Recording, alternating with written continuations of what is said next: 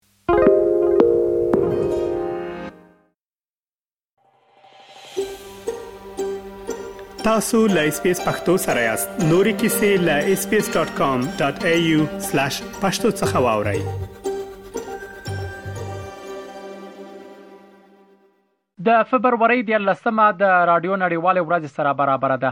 دا ورځ په دوه زره او دوولس میلادي کال کې د ملګرو ملتونو د پوهنې، کلتور او ساینس اداري غونډه کې د اسپانیا د وړاندیز له مخې په ګوته شوه او ورپسې کال د ملګرو ملتونو عمومي اسمبلې کې په ټولیز ډول ومنل شوه او د نړیوالې ورځې په توګه یې اعلان کړه. یونسکو وايي د راډیو نړیوالې ورځې تر شا لامل دا دی چې دا یوه ارزانه او مشهوره وسیله ده چې کولای شي تر ټولو لرې پرتو سیمو او ګوښه شویو ټولنو ته معلومات، پوهنه او پیغام ورسوي. په نړۍ کې د راډیو جوړېدو څه باندې پېړۍ ووته، خو د ملګرو ملتونو د معلوماتو پر اساس لا هم دغه رسنۍ په پراخه ډول اورېدل کېږي. راډیو هغه غږیزه رسنۍ ده چې د ټولنې د هرې کچې او هر قشر وګړي په هر ځای کې ورته لاسرسی لري او د نړۍ په ګوټ ګوټ کې د بېلابېلو موضوعاتو په اړه د ژر او باوري معلوماتو د لیږدولو تر ټولو ساده وسیلې په توګه د وګړو په منځ کې د خلکو پام ځان ته اړولای دی د رادیو اختراع او د امواجو په وسیله د غږ خبرېدل د چاپ له ماشین وروسته په نړۍ کې د کلتور او پوهې د لیږد دوهم ستر انقلاب ګڼل کیږي او مخ پر ودې هیوادونو کې چې د سواد کچه پکې ټیټه ده د خلکو په منځ کې ځانګړی ارزښت هم لري. د نړۍ د نورو هېوادونو په څېر افغانستان کې هم راډیو په رسنیز ډګر کې لا لومړی ځای ساتلی دی. په افغانستان کې بیا د راډیو خپرونې یو سلو پنځلس کاله دمخه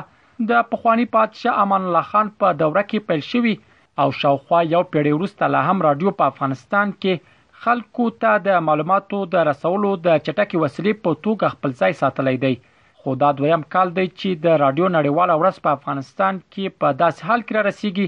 چې واک ته د طالبانو له رسیدو وروسته لسګونو رادیوګانو خپل نشرات بند کړي او کوم هغه چې اوس فعالیت لري د اقتصادي ستونزو له امله یې نشرات د پخوا په پرتله کم کړي دي د افغانستان د پخوانی حکومت تر سقوط وړاندې په افغانستان کې سلګونه رادیوګانو فعالیت درلود چې خپل لګښتونه یې د سوداګریزو اعلانونو او نړیوالو مرستو څخه ورکول کېدل خو د نشراتو عمده برخه یې د تفریحي او موسیقي پروګرامونو وه د افغانستان د خبريالانو ملي شورا د معلوماتو لمخې اوسمهال په افغانستان کې یوازې 215 رادیوګانې فعال دي چې هغوی هم د اقتصادي ستونزو لامل خپل نشرات تر پخوا محدود کړي دي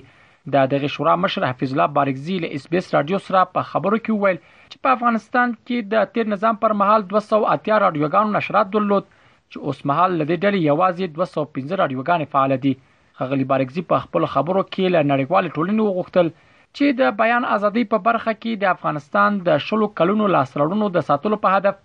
له دغه رادیوګانو سره د مالی ملاتړ او نورو ستونزو په حل کې مرسته وکړي. تاسو ته بهتره معلومه ده چې کله چې په افغانستان کې تحول راغلل موږ مخکې دوه سوه اتیا رادیوګانې درلودل خو یو کال مخکې یعنې تعدد د رادیوګانې یو سلو شپېتې ته ورسید اوس موږ دوه سوه پنځه رادیوګانې په افغانستان کې لرو چې فعاله دي په دې بخش کې تلاشونه بیا هم روان دي خو اصلي ستونزه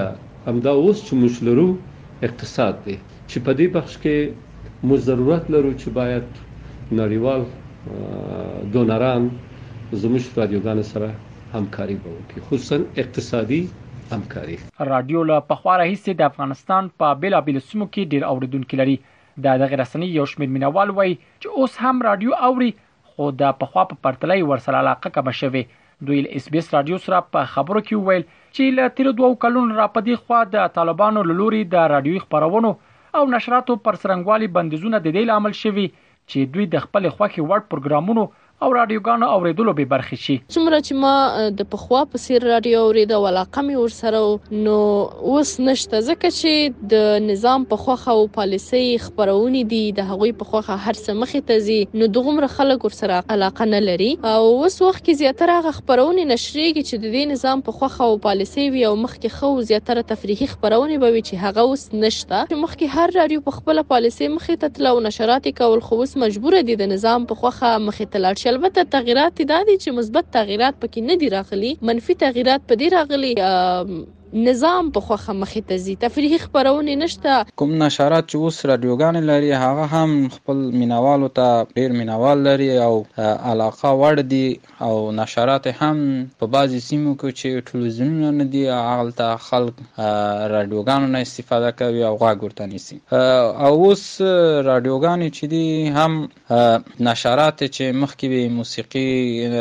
او تفریحي برنامه په خبرولې اوس نو په دې حکومت کې تغیرات پکې راغلي دي او ډیره برخه اسلامي برنامو کې دا او خبرونه خبروي او ګڼ شمیر مینوال د افغانستان په ګوټ ګوټ کې لري او هر ورځ خل د لغ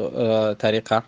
خپل معلومات راټولوي په افغانستان کې واک ته د طالبانو له رسیدو وروسته دغې ډلې رسنۍ مستقیما بندې کړې نه دي، خو نشرات یې ورته په جدي توګه محدود کړي او اجازه نه لري چې موسیقي او د طالبانو له لیدلوري مخالفې خپرونې نشر کړي. خو له دې ټولو محدودیتونو او ننګونو سره سره په افغانستان کې د رسنیو په ځانګړي توګه د راډیوګانو مزل روان دی، خو راتلونکی یې ډېر ډاډمن نه ښکاري. رحیم الدین اوریاخیل اس بي اس رادیو افغانستان اس بي اس پختو په فیسبوک کې تا کې پلی مطلب یو فاک کړئ نظر ور کړئ او له نورو سره شریک کړئ